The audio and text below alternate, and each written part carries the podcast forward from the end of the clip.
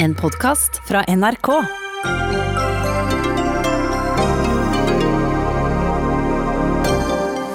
All veitrafikk må bli utslippsfri, og vi må legge kraftig om på kostholdet vårt. Ja, det er noen av grepene som må til for å nå klimamålene innen 2030, hevder ny rapport. Skal kommunene få vetorett mot utbygging av vindkraft, eller må staten kunne overkjøre dem for å sørge for nok utbygging av klimavennlig energi? Økte statlige utgifter er i ferd med å forvitre norsk økonomi, hevder mannen som var med på å redde Island ut av finanskrisen. Han møter vår nye finansminister, som lover tøffe innstramminger fremover. Og det tok 1317 dager å komme dit, men ved midnatt forlater Storbritannia EU.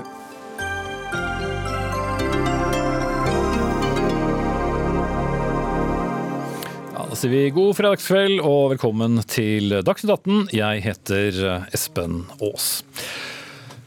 Bort med bensin- og dieseltransport, og mer korn, frukt og grønt i alles kosthold. Vel, det skal være med på å kutte 40 millioner tonn med utslipp innen år 2030.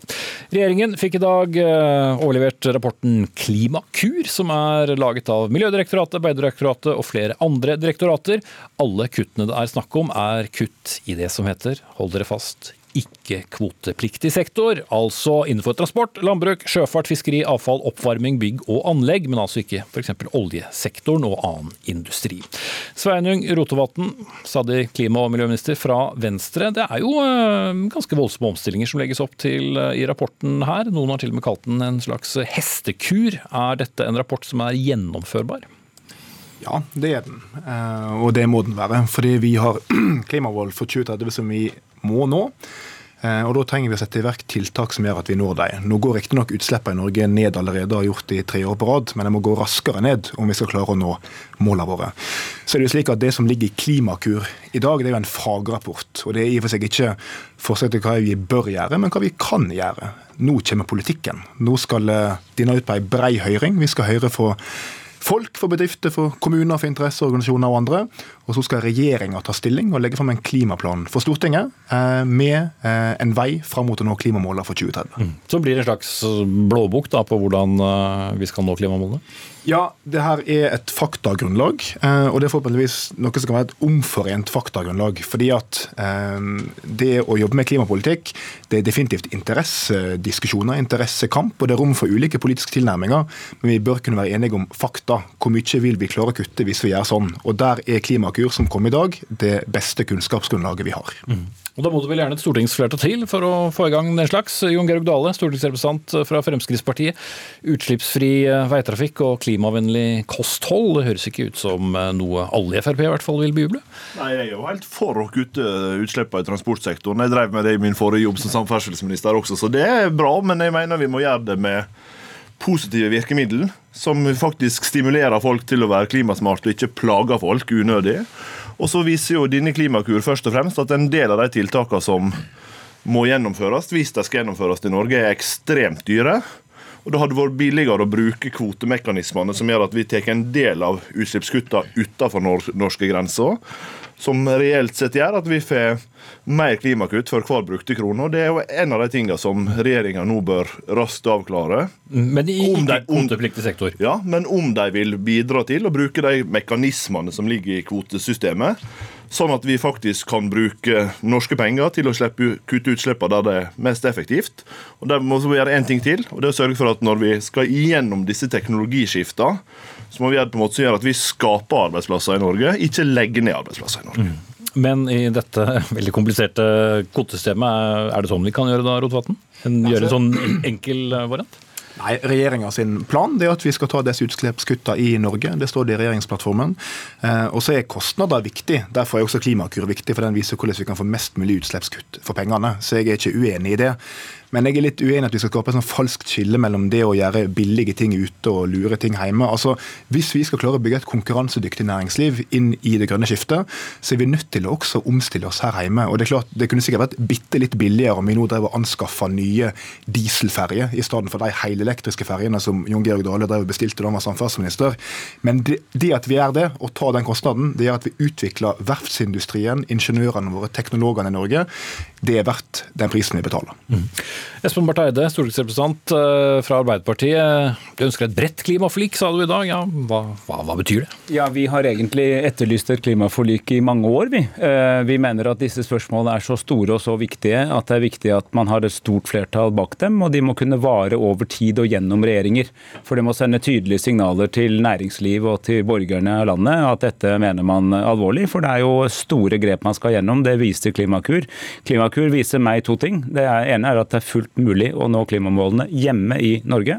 Det andre er at det krever ganske store grep. Man må stå sammen om dem, og man fordeler kostnadene på de mange. Altså, vi vil kutte utslipp, skape jobber og sørge for en rettferdig omstilling. Det er det eneste vi får folk med oss på, og det er eh, vår inngang til de samtalene vi regner med å ha når hvis regjeringen er interessert i at vi får et bred eh, underlag for dette. Men så sier sikkert da mange hjemme nå, og sikkert er litt enig med, med, med, Dale og hans parti, hvorfor skal vi gjennomgå da så mange ting her hjemme, når det jo det er det store globale bildet? Hjelper det egentlig verden om vi har kun elbiler og elferger og spiser frukt og grønt? Ja, det gjør jo det, for det kutter utslipp. Og dessuten, jeg tror det er lurt å legge den debatten litt bak oss. Vi må drive eh, innsats både ute og hjemme. Dette er jo nettopp ikke kvotepliktig sektor. Hele poenget med den er at det er det man gjør selv. Så har vi et kvotesystem for å fange opp alle de andre tingene som det er bedre å gjøre i fellesskap. Det bør vi stå bom fast på. Jeg mener at vi ikke skal avvike fra det en tøddel. Dette er tiltak som kan gjennomføres i Norge alle landene rundt oss gjør jo de samme tingene. Danmark ligger jo langt foran med den planen som statsminister Mette Fredriksen har lagt fram. EU er nå på vei inn i en eh, European Green Deal, en europeisk eh, grønn avtale, som tar mange av de samme grepene på EU-nivå. Så det er ikke noe unikt med dette. Det er bare viktig at vi gjør vår del av jobben, og det er vi i Arbeiderpartiet veldig innstilt på. Kari Elisabeth Kaski fra SV. Eh, du har sagt tidligere i dag at det legges veldig mye opp til hver enkelt innsats. Hver enkelt innsats må ha med pronomene her, her. Er det gjennomførbart? Ja, det er i aller høyeste grad gjennomførbart. Og jeg er veldig glad for at vi har fått um, Klimakur på bordet nå. For det, gir oss nettopp en sånn meny og en oppskrift på hvordan vi kan nå klimamålene i Norge. Så vår beskjed til regjeringa i dag er jo sette i gang, gjennomfør. Vi er klare.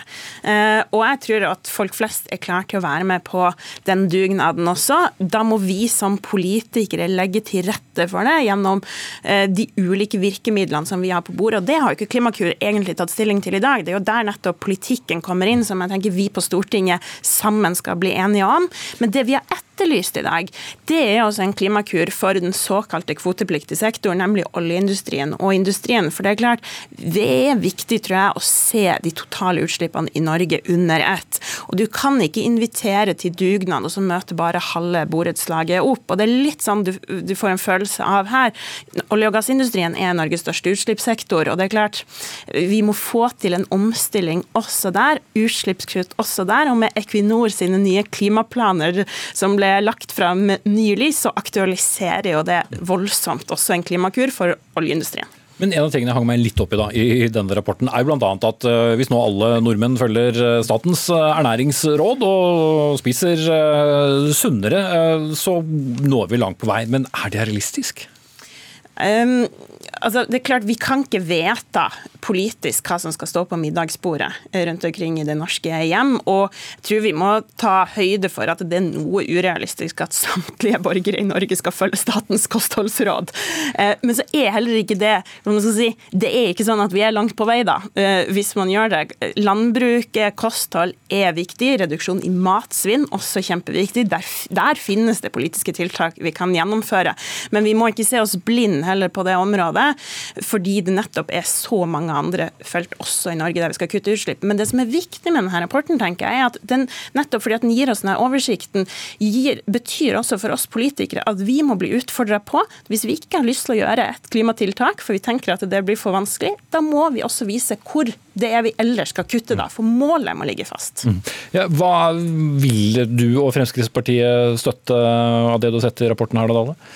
Det er altfor tidlig å konkludere på det. Det er noen ting som åpenbart eh, vi ikke kommer til å støtte. F.eks. For forbud mot alle dieselbiler i 2025. Et forslag som eh, jeg mener ikke er uh, finnes grunnlag for å støtte. Men, men det som bekymrer meg mer, er jo at hvis regjeringa nå går til den andre sida av opposisjonen i Stortinget og skal følge, følge SV, som er på jakt etter industriarbeidsplassene i oljeindustrien, så får vi en helt annen tilnærming til dette enn det som regjeringa sjøl har sagt at de skal, nemlig kutte utslipp, men ikke utvikling.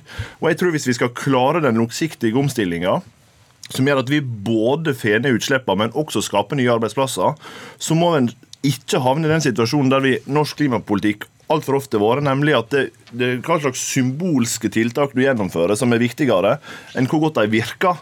Og det, vi jo, jo, men det handler vel om faktisk å nå helt åpenbare ja, da, mål? Ja da, men da kan vi jo bare se på en del av det utredningsarbeidet vi har gjort, som viser at halvparten av de klimatiltakene som var testa, faktisk f.eks. bruker vi bruker halvannen milliard på de i statsbudsjettet før tida som har veldig liten klimaverdi. Og Det er jo det som er problemet til venstresiden. De vil ha strødd rundt seg, spesielt SV, med tiltak som har liten klimaverdi, fordi de syns det er morsomt å bortforklare det med klima. Ser og har... ikke for bare hender her. men, men, men, men det, er det, det, det, sporet vi må vekk fra. Vi må gjøre ting som virker, og vi må gjøre ting som bygger nye arbeidsplasser, ikke ta et oppgjør med de industriarbeidsplassene. Ok, og Jeg er helt sikker på at eh, regjeringen har tenkt å eh, sette i gang eh, tiltak den mener virker, men til sjuende og sist så mm, trenger du jo da å få samlet et flertall bak dette. Ja, det gjør vi. Men jeg tror at hvis Stortinget har tenkt å ta sine egne klimamål på alvor, så bør de være med på en offensiv klimapolitikk, og det skal regjeringa legge fram. Det er derfor vi har bestilt Klimakur, og nå skal vi følge opp. Eh, og så er det riktig som, som Dale sier, at skal vi klare å komme oss gjennom det, så må vi ha lønnsomme arbeidsplasser. Vi må ha grønn vekst og ikke nullvekst, og det mener jeg at Klimakur legger et godt grunnlag for at vi kan få til. Og da må vi lære av de suksessene vi da tross alt har. ikke sant? Altså, vi har altså Eh, det høyeste omsetning av elbiler i verden. Si ja. Jo, men altså, Dette er jo en av grunnene som gjør at utslippene våre nå går ned såpass mye som de faktisk gjør. Men vi må gjøre mye mer av det. Og jeg tror at da får vi folk med oss, hvis de ser at det lønner seg for seg i sin hverdag å investere i en mer klimavennlig bil. Og ete litt sunnere. Mm. Så, så, så, der er du en, enig med Dale at uh, mer, uh, altså, det, det, må ikke føles som et pålegg, men, men er det ja, jeg, nødvendigvis nok, Barth Eide? Det, snakker om symbolpolitikk. Dette er jo det motsatte av symbolpolitikk. For dette er jo konkrete forslag som er målt opp mot konkrete utslippskutt, og så står det en slags kostnadsberegning på det. Det er jo det motsatte av symbolpolitikk, så jeg tror Fremskrittspartiet bør finne seg noen nye talepunkter på det der. For nå er vi, snakk, er vi altså i gang med konkret klimapolitikk med konkrete handlinger. Jeg ønsker jo Rotevatn lykke til med å lage et flertall med Dale og Fremskrittspartiet i disse spørsmålene. Hvis du vil, så kan du snakke med oss også om dette. Men, men, men det jeg tror er aller viktigst nå, er at vi må ta tak i alle sektorer. Og så må vi få til en reell grønn vekst. Og reell grønn vekst betyr at du fortsatt har økonomisk vekst, men utslippskuttene blir stadig mindre, ressursbruken blir stadig bedre. Og hvis det altså har bedre utvikling på ressursbruk og utslipp enn veksten, så har du en reell vekst. Det må være målet for alle sektorer. For landbruket, for industrien, for bygg og anlegg, for transport, for energibruken. Hvis vi setter det som mål, og så finner vi ut hva er de mest effektive tiltakene i hver sektor, Kanskje vi også kan fordele mellom sektor. Hvis det er vanskelig i landbruket, kan vi ta mer på transport. Men vi må liksom regne ut hvordan vi gjør det, sånn at vi kommer i mål. Og Det denne rapporten viser, er at det går an. Teknologien er der, det er kjent teknologi.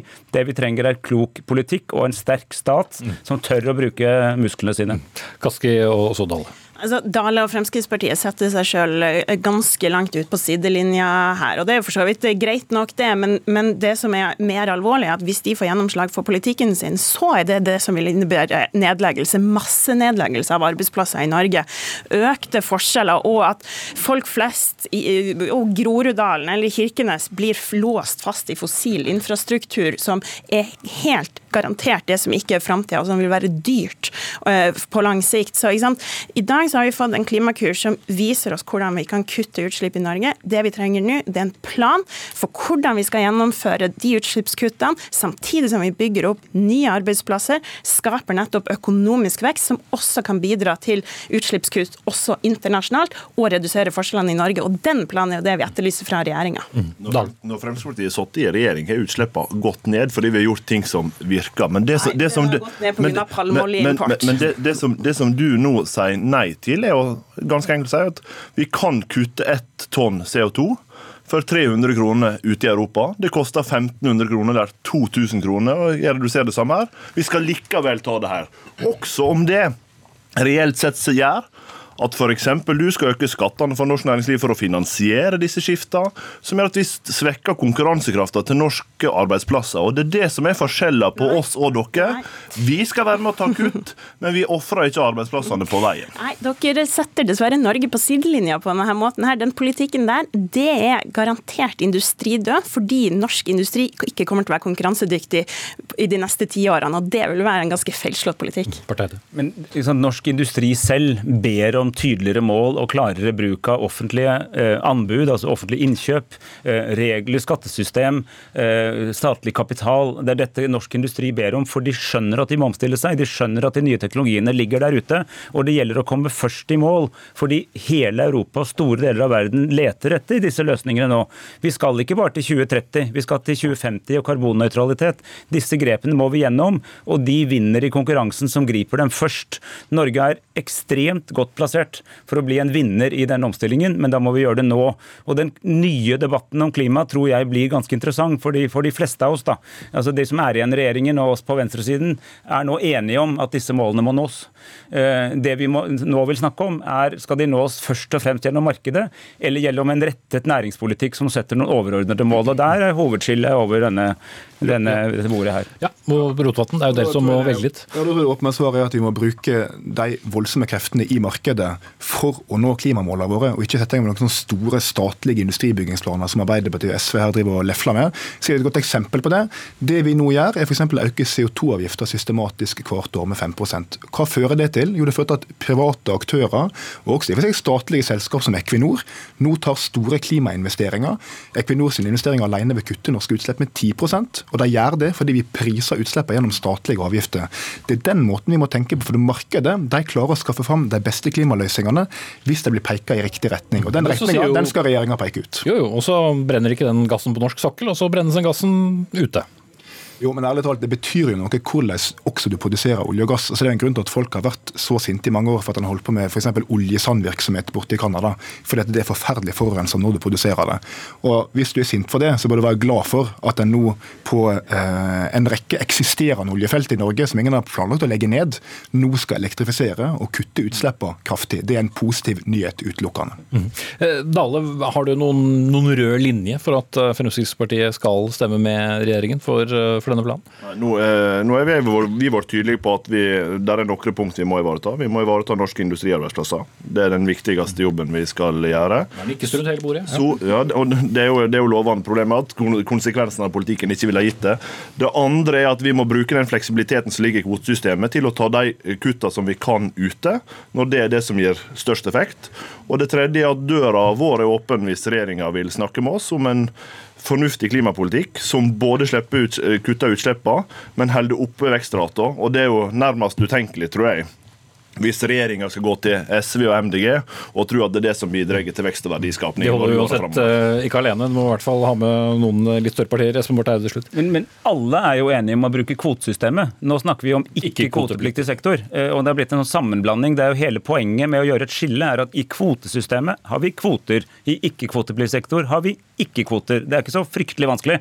eh, og Derfor så tror jeg det er lurt at vi gjør de tingene hjemme. Og så er jeg enig med Kari Elisabeth Kaski at det er lurt å se Vi skal også se på hva som skjer med hele økonomien. Selv om vi bruker kvotesystemet, det er lurt å kutte også i kvotepliktig sektor. Det lønner seg for industrien å være tidlig ute når man produserer renere aluminium og selger den til de som vil ha den reneste aluminium. Så tjener du penger og kutter utslipp og skaper jobber samtidig.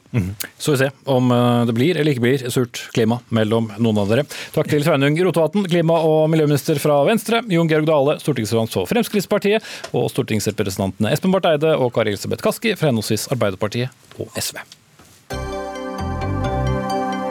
Dagsnytt 18 alle hverdager klokka 18.00 på NRK P2 og NRK2.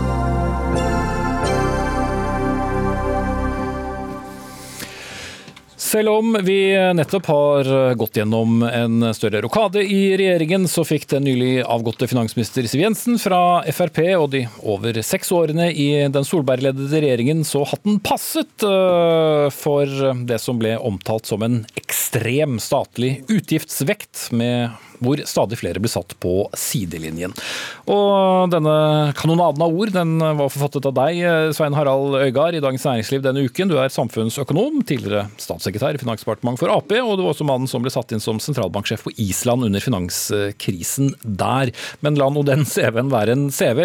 Sier du vi har hatt en regjering som ikke har gjort den jobben de er satt til i Finansdepartementet? Ja, definitivt. Eh, jeg syns det var nyttig nå som en eh, finansminister gikk ut og en ny kom til, å summere opp hva som har skjedd de siste syv årene under Siv Jensen og regjeringen Solberg. Og Da kan du se på noen viktige nøkkeltall. Én er jo selvfølgelig økonomisk vekst. Hvis du ser på Jensen-epoken, 2012 til 2020, så er OECD vokst med 20% Norge med 14 2013, da, siden det var da hun tiltrådte. Ja. Men uh, du, ja, hvis du vokser uh, Det er, betyr en halv månedslønn tapt for Ola og Kari i forhold til man ville oppnådd hvis man hadde en vekst som i andre land. Og det har skjedd selv om vi har hatt et privilegium som ingen andre land har hatt, nemlig vi kan kunne bruke oljepenger. Og hun har brukt temningsløst. Den har økt fra 100 til 240. Og likevel har hun prestert å levere lavere vekst enn i andre land. Det er et mysterium hvordan dette er mulig. Jeg ser fire grunner til det. Og De må komme litt kjapt. De skal ja. komme fort, men de er viktige.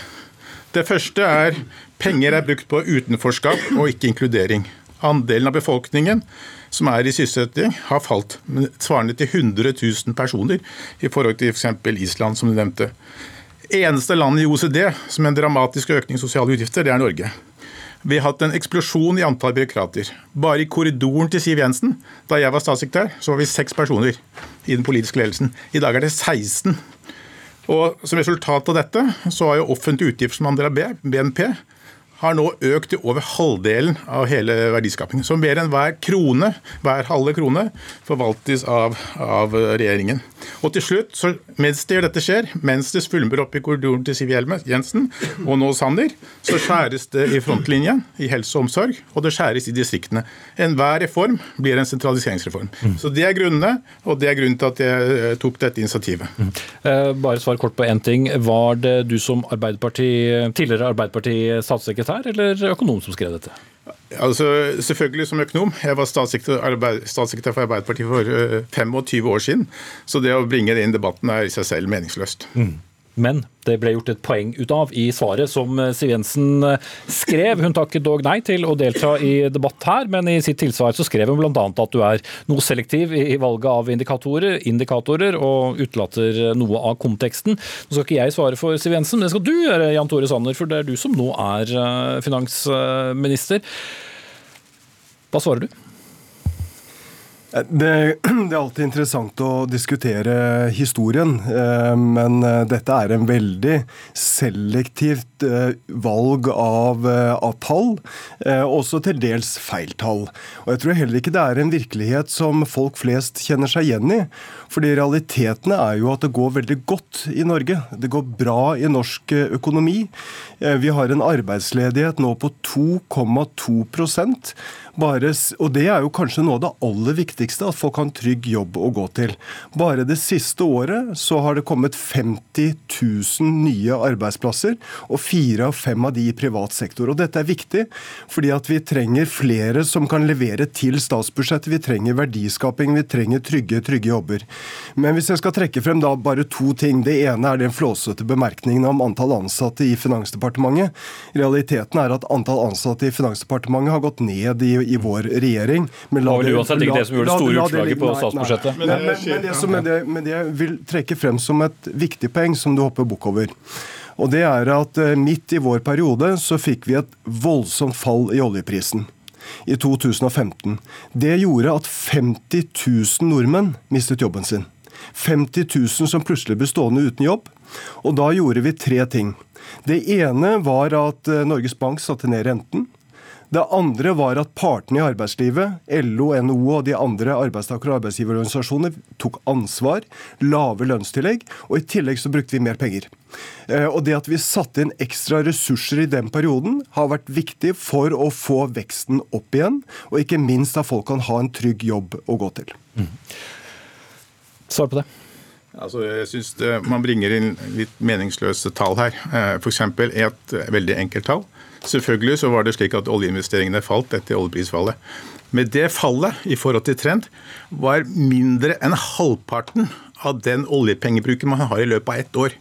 Så man hentet uendelig mye ressurser fra én kilde for å kompensere noe som var et alvorlig problem.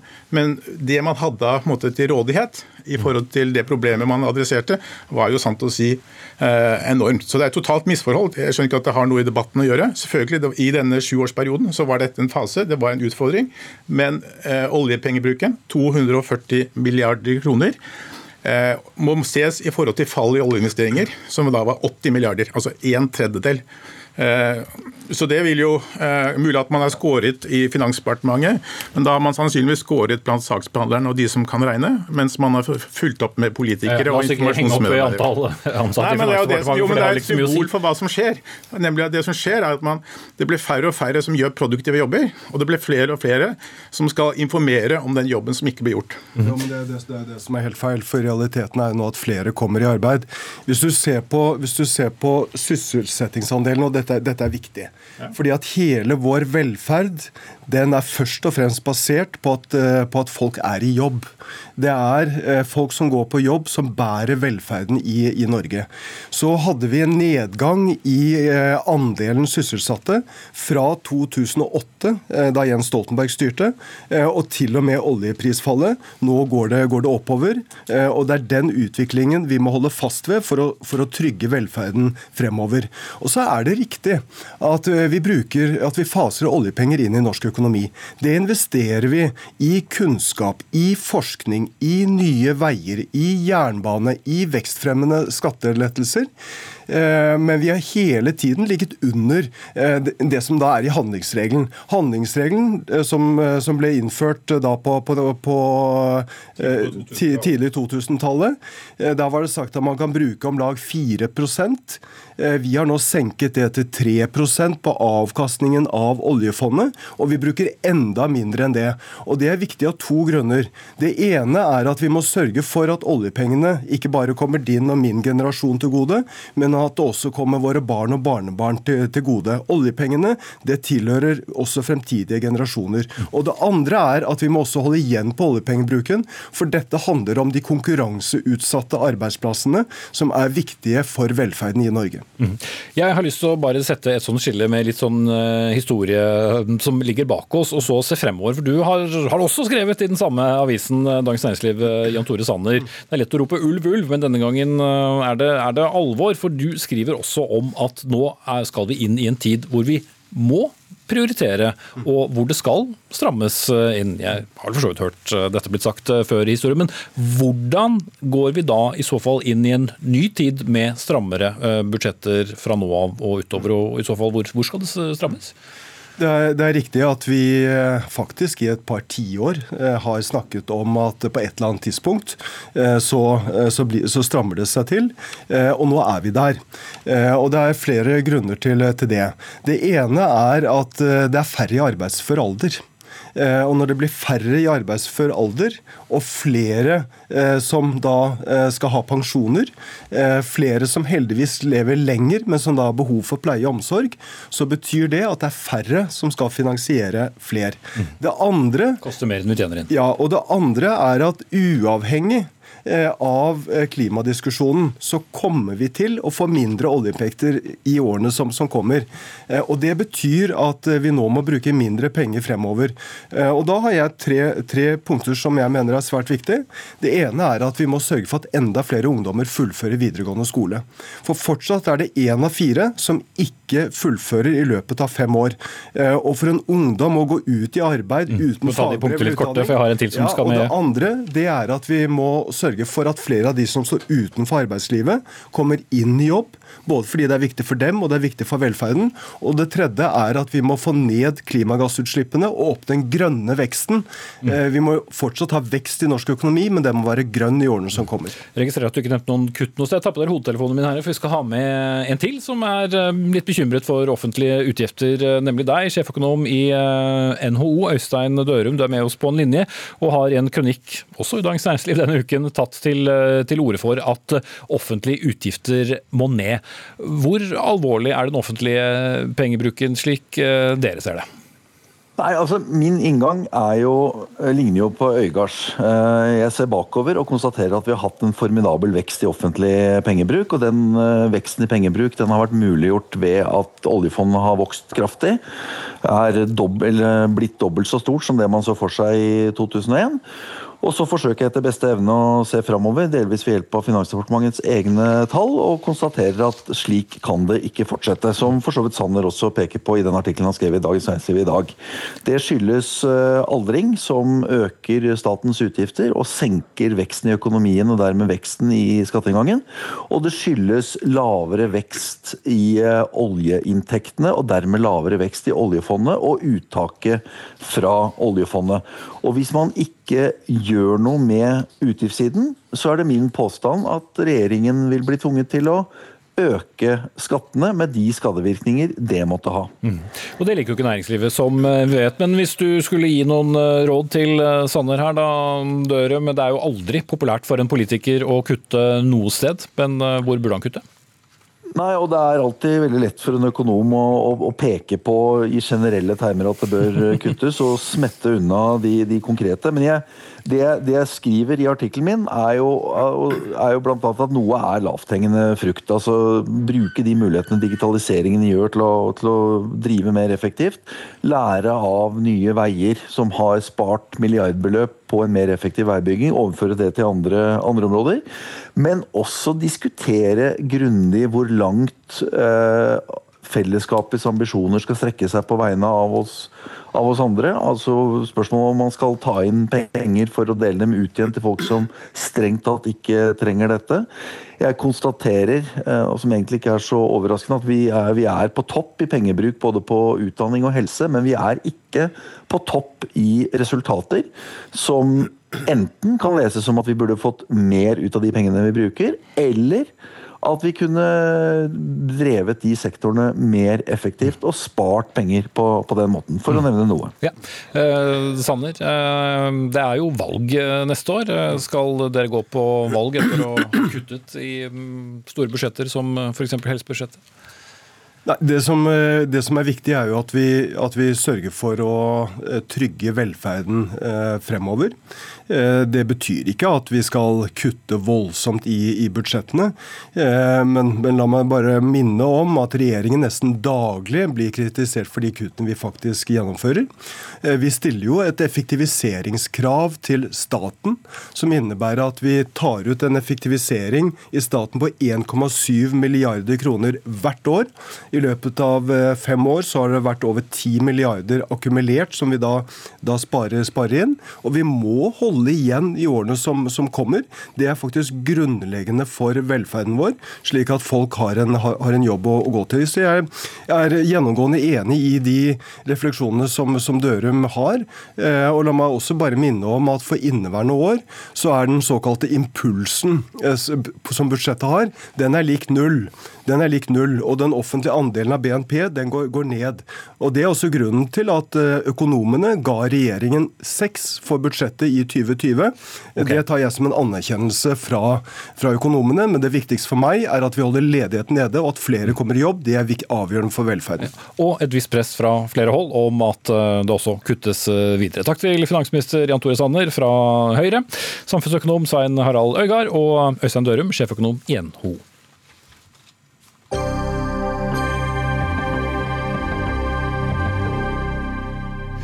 Mot slutten av sendingen skal vi diskutere et forslag fra Senterpartiet om hvorvidt kommunene skal få siste ord når det gjelder å få satt opp eh, vindturbiner eller vindmøller. Men nå skal vi til det lille stykket historie som eh, skrives eh, i dag, nemlig hva som skjer med Storbritannia og EU. For, for oss som husker litt tilbake, så har det jo tatt en stund dette som kalles brexit. 1.1.1973 ble Storbritannia med i daværende EU. I dag, 31.1.2020, forlater de EU. 47 år og 30 dagers medlemskap opphører ved midnatt norsk tid. 1317 dager er gått siden folkeavstemningen. Regjeringen trodde den aldri skulle tape. Så hva skjer nå?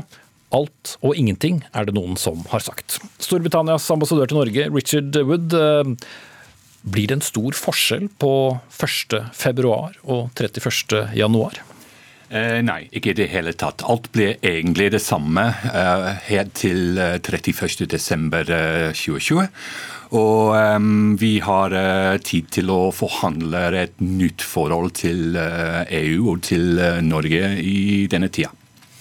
Du har jo nå i lang tid vet jeg, reist rundt i Norge og ikke minst snakket med en del smånervøse briter som lurer på hvordan det blir å være brite utenfor Storbritannia. På samme måte vet jeg det er mange nordmenn i Storbritannia som er urolig for sin fremtid. Snakket med en på radio i dag som sier at hun må, må søke om å få lov til å fortsatt bo i Storbritannia, hvor hun er gift med en, en brite. Hva, hva er det egentlig som venter? Ja, jeg har snakket med mye mye statsborgere, britiske statsborgere her, og også egentlig med norske statsborgere i Storbritannia. Og det er um, tilfellet at egentlig skal uh, borgeres rettigheter uh, de skal ikke endre seg i det hele tatt. Det er nå, um, det er nå fikst med um, utgangsavtalen, og det er bare en uh, byråkratisk prosess å kunne vise frem statusen som de har. Og det er viktig for de briter som kommer til Norge etter brexit og etter 1.1 neste år. De skal ikke ha uh, rettigheter i Norge. Så de som uh, bor her nå, de må um, kunne vise frem at de har uh, tilgang til helsevesenet eller um, førerkort eller ja, andre offentlige tjenester. Ja. Men vel så spennende er jo da tiden som kommer. Fordi uh, det er ikke mange dagene siden jeg hørte uh, en statsråd uh, fra den britiske regjeringen si at nå, nå, skal vi velge hvem som får lov til å bo i Storbritannia. Nå er det vi og ikke EU som velger det lenger. Blir det vanskeligere hvis, ja, hvis jeg hadde vært litt yngre og skulle begynt å studere i, i Storbritannia i 2021 og tenkt at jeg ville bosette meg der etterpå? Vil det være like lett som det har vært til nå? Jeg tror ikke det, fordi um, vi har alle uh, nordmenn i Storbritannia har bidratt veldig veldig mye til samfunnet vårt. Og um, vi skal ønske velkommen um, folk som har uh, evnene som vi trenger for uh, økonomien, og de som vil studere. jeg håper det. Jeg vet egentlig at Storbritannia får bli et land som ønsker velkommen de som vil eh, bidra til, eh, til samfunnet. Mm. Men nettopp det, bidra til samfunnet, er vel også et poeng. At selv om du bosetter deg i Storbritannia, så er det ikke det samme som at du får en automatisk rettighet til eh, f.eks. Offentlige helsetjenester, at du har rett på trygd. Det blir annerledes. Det er egentlig det samme i alle land. Eh, britene som kommer til Norge etter brexit, de skal ha ingen uh, rettigheter i det hele tatt. Og um, jeg tror det blir vanskeligere for briter som vil komme til Norge, enn for nordmenn i Storbritannia. Så det, er, det, er, det kan være litt byråkratisk, kanskje. Litt, litt mer, kanskje. F.eks. studenter de skal trenge visum når de, vi har ny, et nytt nytt eh, innvandringssystem. Mm. Um, men vi skal ønske de velkommen, og er, jeg håper det er veldig um, lett å søke seg. Mm. Katrine Kleveland, leder av Nei til EU. Dere har i dag feiret brexit med en diger kake, har jeg sett uh, på, på, bilder. Hvorfor er dette en gledens dag at Storbritannia forlater EU, sånn egentlig? Det er en historisk dag at eh, et selvstendig land går ut av EU eh, e etter 47 år, som du nevnte. Og Det er jo etter en folkeavstemning, så det er jo sånn sett en seier for demokrati og folkestyre at det gjennomføres det som nå 17,4 millioner briter stemte for. Jeg, jeg, dro til Storbritannia for å være to dager uten koffert eh, fordi du visste du skulle være våken den natta i ITV sitt TV-studio. Og det å se det som skjedde ja. tilbake i 2016, det som skjedde da det var jo noe de ikke trodde ville skje. Det var jo ikke så mange andre enn Nei til EU og andre som var optimistiske til det. Så i dag så feirer vi at eh, det gjennomføres det som et flertall av britene stemte for i 2016. Mm. Men er det egentlig bra for oss at eh, det kanskje blir litt mer byråkratisk? Det er mange norske bedrifter som sier de er veldig usikre på, på, på fremtiden? Er det én ting vi er sikre på at vi kjenner igjen, så er det den skremselspropagandaen som var i forkant av brexit-avstemningen òg. Det skulle gå så forferdelig med den britiske økonomien om det ble folkeavstemning for å gå ut av EU i 2016. Det slo ikke til. Vi kjenner det fra folkeavstemningen i Norge i 72 og 94. Så eh, jeg ser muligheter i dag. Det er mulighet for Storbritannia å forhandle nye handelsavtaler. Det er mulighet for eh, Norge og Storbritannia. Vi hører jo her om de både politiske, historiske og kulturelle samkvemmet som vi har. Og ikke minst så vil jeg trekke fram at det er eh, gode muligheter for f.eks. landbruket, nå når et så stort volum går ut av EU som Storbritannia. Da må vi se muligheter for nye forhandlinger fra norske regjeringa på tollfri import av mat, f.eks. Heidi Nordby Lunde, leder av Europabevegelsen. Du har ikke spist eh, kake i dag, i hvert fall ikke for å feire brexit?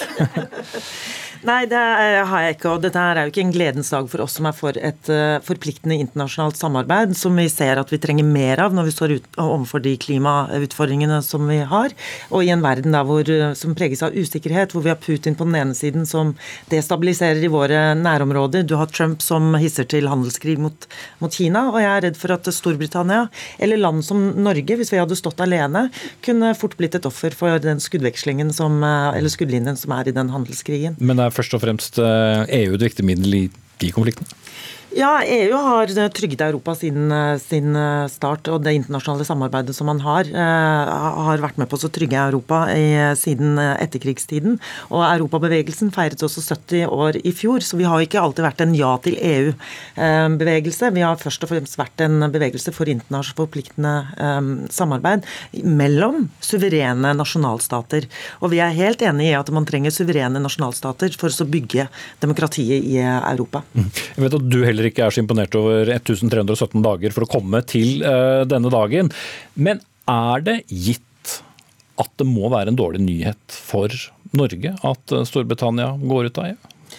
Det er nok gitt på noen områder, men det er klart at når en dør lukkes, så sier man jo at det åpnes et vindu et annet sted. Og det er klart at det kan finnes nye muligheter for noen næringer. Men dette, og dette endrer jo heller ikke Norges forhold til EU, det endrer vårt forhold til Storbritannia, som jeg regner med og håper kommer til å være godt også i framtiden. Vi, eh, vi, har jo felles interesser når det gjelder bl.a. fiske. Vi har, eh, vi har, jo interesser når det gjelder landbruk, som vi ikke har avtaler avtale med i EU.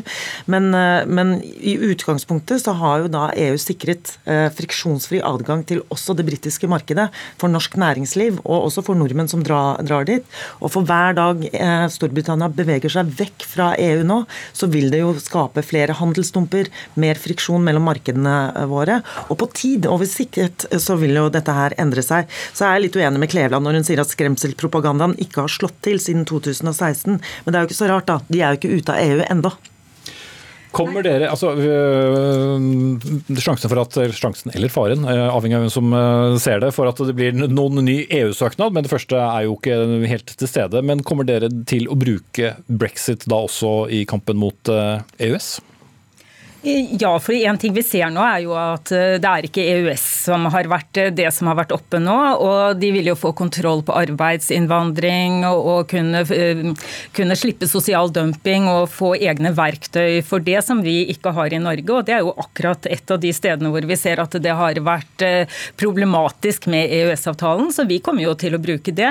Men utover det så kommer vi jo også til å se på at Storbritannia og Norge f.eks. på sjømatområdet kan jobbe for en bedre bedre fiskeripolitikk. og vi, Det er flere muligheter her også, men på EØS-området så kommer jo vi til å, å, følge med hva som skjer. For det er ingen hemmelighet at Nei til EU mener at vi også ville få det bedre uten å forholde oss til alle lover og regler vi må få via EØS-avtalen. Mm.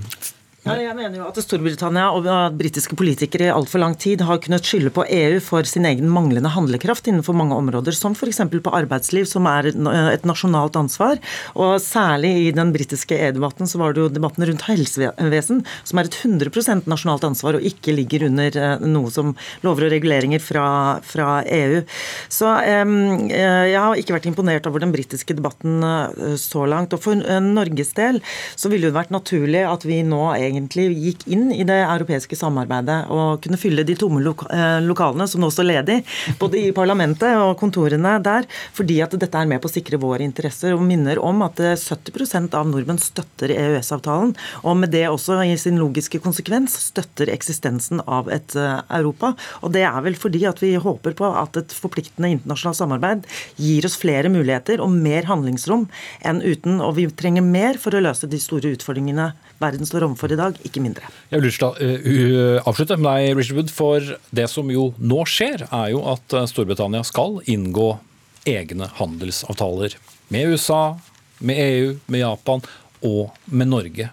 Men selv om vi eksporterer mye fisk og mye gass til Storbritannia i dag, hvor viktig blir egentlig Norge i den køen av land som ditt land skal eh, forhandle med?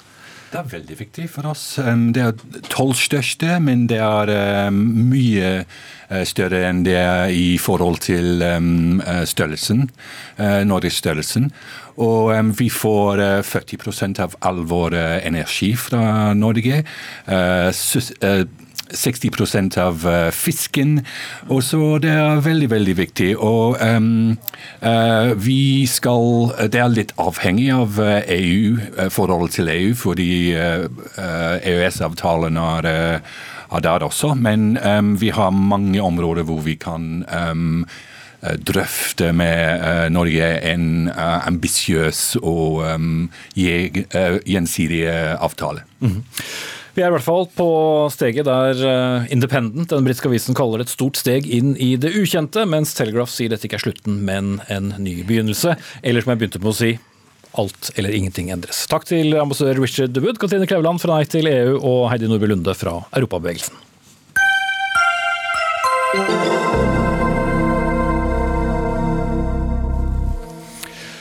Så skal vi til en av fjorårets, og fort sikkert også årets, store stridstemaer, nemlig vindkraft på land. For som eh, Kanskje den våkne Dagsnytt 18-lytter husker da Norges vassdrags- og energidirektorat, NVE, la frem forslag om en nasjonal rammeplan for utbygging av vindkraft i fjor, så ble reaksjonene så sterke at hele planen ble lagt i skuffen.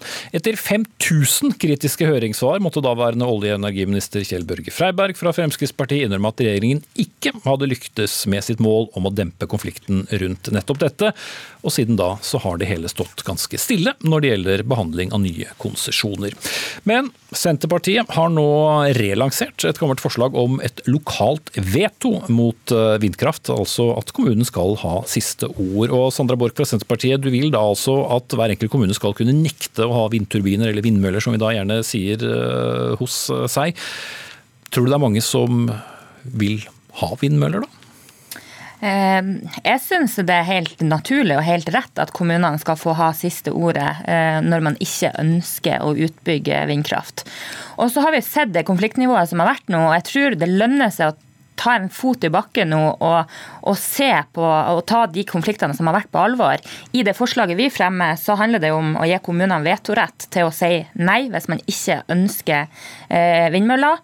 Eh, og så er det en del andre forslag der som går på at vi mener at kommunene må få mer igjen gjennom en naturressursskatt hvis man velger å sette av areal til, til vindmøller, eh, og at man sikrer en skattlegging av eh, utenlandske selskaper som investerer i Norge, sånn at de de ikke skal kunne ta ut utbytte til type skatteparadis, sånn som vi har sett avsløringer på.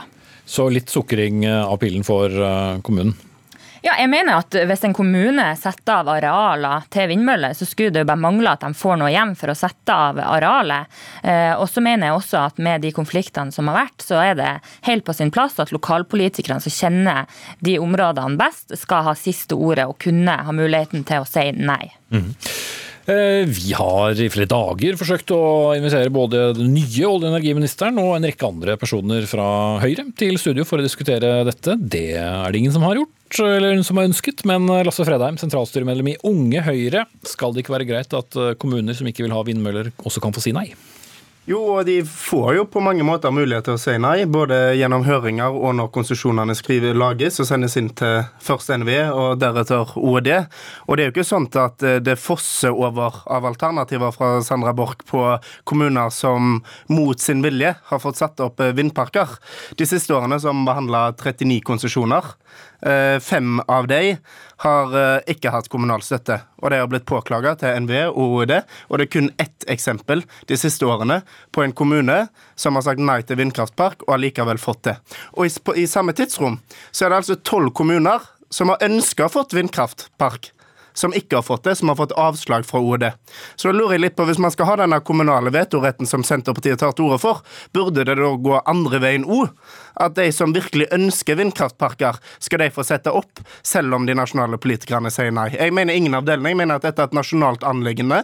Det er energispørsmål som er de nasjonale politikerne sitt ansvar, og det er de som bør ha siste ord i denne saken. Så staten skal bestemme? Staten skal til syvende og sist bestemme, men vi er nødt til å ha folket med oss, og vi er nødt til å ha kommunene med oss. Hvis ikke så blir det bygd veldig lite energi i dette landet. Mm, Bork. Det er jo en grunn til at nasjonal ramme ikke gikk gjennom i år. og Det er jo fordi at man har hatt altfor liten dialog med kommunene. Og de konfliktene som man har sett de siste årene, har jo oppskalert seg eh, den siste tida. Og det er jo derfor vi også kommer med det forslaget. Og så er det jo ikke noe nytt at, eh, at Høyre som parti ønsker å overkjøre kommunene i en rekke spørsmål. Det har vi jo sett en rekke eksempler på mm. de siste, siste årene. Eh, så jeg syns det er helt rett at kommunene skal ha muligheten til å si nei. Og det handler jo om stor store inngripen i, i areal. Det handler om beitenæring, reindriftsnæring. Så er helt rett at kommunene skal ha siste ordet. Selv om konsekvensen av det vil være at vi ikke bygger ut nok fornybar energi på land? Eh, der er jeg òg uenig, for vi har store eh, naturressurser, mange naturressurser i Norge. Eh, Senterpartiet er opptatt av å ta i bruk vannkrafta som vi har i dag. Vi ser også veldig mange spennende prosjekt som går på, som går på havvind, bl.a. Sånn at jeg, jeg har stor tro på at vi skal fortsette å utvikle den fornybare energien, men så mener jeg at nå er det tid for å ta en pust i bakken når det gjelder utbygging av vindkraft på land. Mm. Frede. Ja, for Det er nettopp det med at kommunene, det er veldig mange kommuner som sier nei. Og når de sier nei, så velger utbyggerne å gå til andre steder der kommunene heller sier ja. Det er ikke sånn at det er veldig mange prosjekter som pushes gjennom i kommuner der lokale folkevalgte ikke ønsker det. Da legger de det på is, og så går de et annet sted. Men så finnes det noen kommuner rundt om i det ganske land som ønsker høyere skatteinntekter, som ønsker flere arbeidsplasser til kommunen sin, som ønsker verdiskapning, og som ønsker noen sårt tiltrengte inntekter til kommunekassen. Og Vi har f.eks. et eksempel i Sunnhordaland, hvor du har en kommune som som er på drøyt 3000 innbyggere. Og de har et vindkraftanlegg som står for flere prosent inn i kommunekassen årlig, som finansierer sykehjemsplasser, barnehageplasser og skoleplasser, og som kommunen sårt trengte fordi de ønska arbeidsplasser og verdiskapning. Og da sa kommunen vi ønsker vindkraftverk, og da fikk de det. Og så er det ikke sånn at det finnes veldig mange eksempler der kommunene sier nei og allikevel får vindkraftpark. Dette gjøres i dialog med de folkevalgte og i og dialog med politikere politikerne Men sier du nå i det aktuelle stedet. Eller? Nei, Det er egentlig ikke et stort problem når man har gitt 39 konsesjoner det siste året, og én av konsesjonene har det vært motstand på. Alle konsesjonene omtrent som blir gitt eller som søkes på, har kommunal støtte. Og det skal veldig mye til for at en konsesjon gis i OED og godkjennes av NVE hvis han ikke har lokal støtte. Det skjer veldig sjeldent. Espen Kristoffersen, du er prosjektleder i det som heter Norsk Vind. Uh, Trenger man å overkjøre lokale interesser? Vil dette gå av seg selv, eller trenger, trenger man hjelp? Det er helt vesentlig for et vindkraftprosjekt at man har lokal aksept for at prosjektet skal bygges. Eh, jeg tror, jeg tror ikke vetorett er den rette medisinen.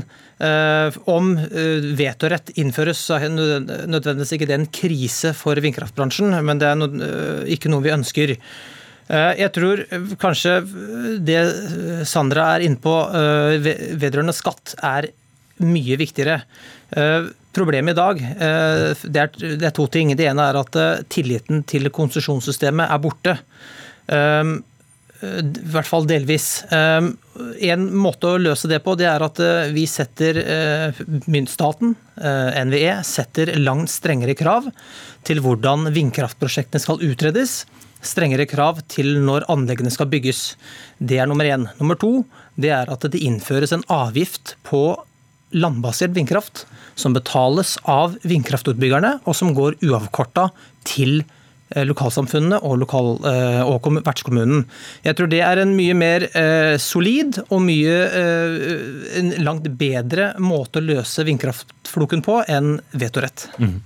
Jeg skal ta inn en fjerde person, nemlig deg. Da må dere ta på dere hodetelefoner. Eh, Silje Motka, du er eh, sametingsråd for Norske Samers Riksforbund og med oss fra Karasjok. Det er jo både eh, eksisterende utbygginger og områder som er tegnet opp i den nasjonale rammen som berører reindriftsland. Hva mener du om hvorvidt staten bør kunne overkjøre lokale interesser, eller tenker du at Senterpartiets forslag her er en farbar vei? Ja, jeg har lyst til å ta frem at eh, De fleste jo jeg hadde vært enige om at nå har det jo blitt gitt rundt 100 tillatelser totalt de senere årene. Og så er det 39 anlegg cirka, som, vært, som er blitt ført opp. Da. Og Det blir et, en stor folkelig motstand når de anleggene kommer opp. og Jeg er veldig enig i at selve prosessen omkring der, den eh, foregår over veldig lang tid. Og så er det veldig mange aktører som på en måte ikke blir klar over det før utbygginga setter i gang. For de samiske interessene så er erfaringa vår dessverre at eh, de eh, konsekvent overses. Eh, og det er en meget alvorlig situasjon. Og FNs spesialrapportør for menneskerettigheter og miljø David R. Boyd han var her og påpekte at det dilemmaet mellom menneskerettigheter, urfolksrettigheter og miljø er et dilemma som staten Norge er nødt til å løse. Mm. Men er da eh, forslaget fra Senterpartiet om en vetorett en vei å gå? Nei, altså jeg har lyst til å peke på at For reindrifta foregår deres eh, eh, næring over flere kommuner. Og Det innebærer jo at en kommune ikke nødvendigvis tar hensyn til de kumulative effektene for de samiske interessene i de spørsmålene. Og Vi trenger egentlig at dette ivaretas eh, på en helhetlig måte. Mm. Ja, og reinen vil jo da ikke bry seg om nødvendigvis kommunegrensene. eller altså De samiske områdene strekker seg da over flere kommunegrenser. Så hvis en kommune sier nei og en annen sier ja, så hjelper ikke det dere noe? Det er det som er ditt poeng? Ja, det er mitt poeng. og Jeg har lyst til å peke på at FN sitt naturpanel de peker på at tap av natur og det biologiske mangfoldet det er en like stor trussel som klimasaken totalt sett er. Eh, og Her bygger vi ned naturen vår, som er en fellesverdi. Også med usikkerhet for om dette kommer til å gjøre et bidrag når det gjelder kull, kullkraftbruken i, i verden. Og så er vi selvforsynt på vannkraft. Jeg har lyst til å peke på Altaksjonen var jo nettopp en kjempesak der de samiske interessene som måtte eh, bøte men, men på det her behovet som var oppgitt fra stort, storsamfunnene. Mm. Eh, eh Espen ja, og vannkraft. Jeg mener at ja, jeg må gå videre i, i, i studio her, eh, Motka. Kristoffersen, eh, med mindre man har bodd da under en stein eh, de siste par årene, så vet vi at altså, den debatten er jo nå veldig spist. Hva må gjøres for å, å gjenreise tilliten når det gjelder utbygging av vindkraft på land? Det må inngås en samfunnskontrakt eh, mellom eh, særskilt lokalsamfunnene og eh, de som ønsker å bygge ut vindkraft, på lik linje som vi har en samfunnskontrakt mellom kommunene og vannkraftbransjen. Og Det så vi gjennom Sanderud-utvalget, at straks staten begynner å røre på den, den, det inntektssystemet som man har i dag innenfor vannkraft, så setter man ting i spill. Eh, løsningen, slik jeg ser det, det er én eh, eh, strengere konsesjonskrav, strengere krav til ut, utredninger av miljøkonsekvenser. Og nummer to, det er at det innføres en avgift på landvind som går til kommunene, og som betales av vindkraftselskapene. Mm. Er dere da enige på et vis, Borch? Ja, i, i, deler av dette så er vi jo det. Og, og, jeg tror det er viktig at man får på plass eh, disse tingene før man nå eh, går videre. Eh, fordi at man ser det er stor motstand i folket. Vi har sett det nå de to siste årene, eh, hvor motstanden bare har vokst enda større. Og da mener jeg det er rett tid nå å på en måte se på både skatteregler eh, for at utenlandske selskap ikke skal få ta overskuddet ut i skatteparadis, men at det kommer eh, Norge og samfunnet til gode, og at kommunene da gjennom gjennom en naturressursskatt får mer igjen av å sette av areal, og at de skal ha mulighet til å si nei. Ja, Den motstanden vi har sett de siste årene, den kommer jo i hovedsak fra kommuner som allerede har sagt ja til vindkraft. Han kommer ikke fra kommuner som har sagt nei. Og Da er ikke, da er ikke løsningen å gi dem kommunal veto til noe de allerede har sagt ja til. For motstanden kommer rett og slett av at det ikke blir sånn som de hadde sett det for seg. De ser at det de godkjente, det har kanskje ført til høyere turbiner enn det de først godkjente. Det har ført til større naturinngrep, og det har ført til at det kanskje tar altfor lang tid. Og da er det det vi må gjøre noe med. Det er det som er løsningen på problemet. Det er at vi må endre på konsesjonssystemet, sånn at det tar raskere tid å få bygd de turbinene, okay. og at det blir den høyden de har godkjent. Vi eh, nærmer oss eh, slutten. Takk til dere alle fire. Sandra Borch, stortingsrepresentant fra Senterpartiet. Lasse Fredheim, sentralstyremedlem i Unge Høyre. Espen Kristoffersen, prosjektleder og talsperson eh, for Norsk Vin. Og Silje Motka, som er sametingsråd. Espen Aas heter jeg. Det var Odd Nytrøen som var ansvarlig for sendingen, og Ida Laral Brenna hadde det tekniske ansvaret. Vi tar en aldri så liten helgepause, men vi ses igjen på mandag.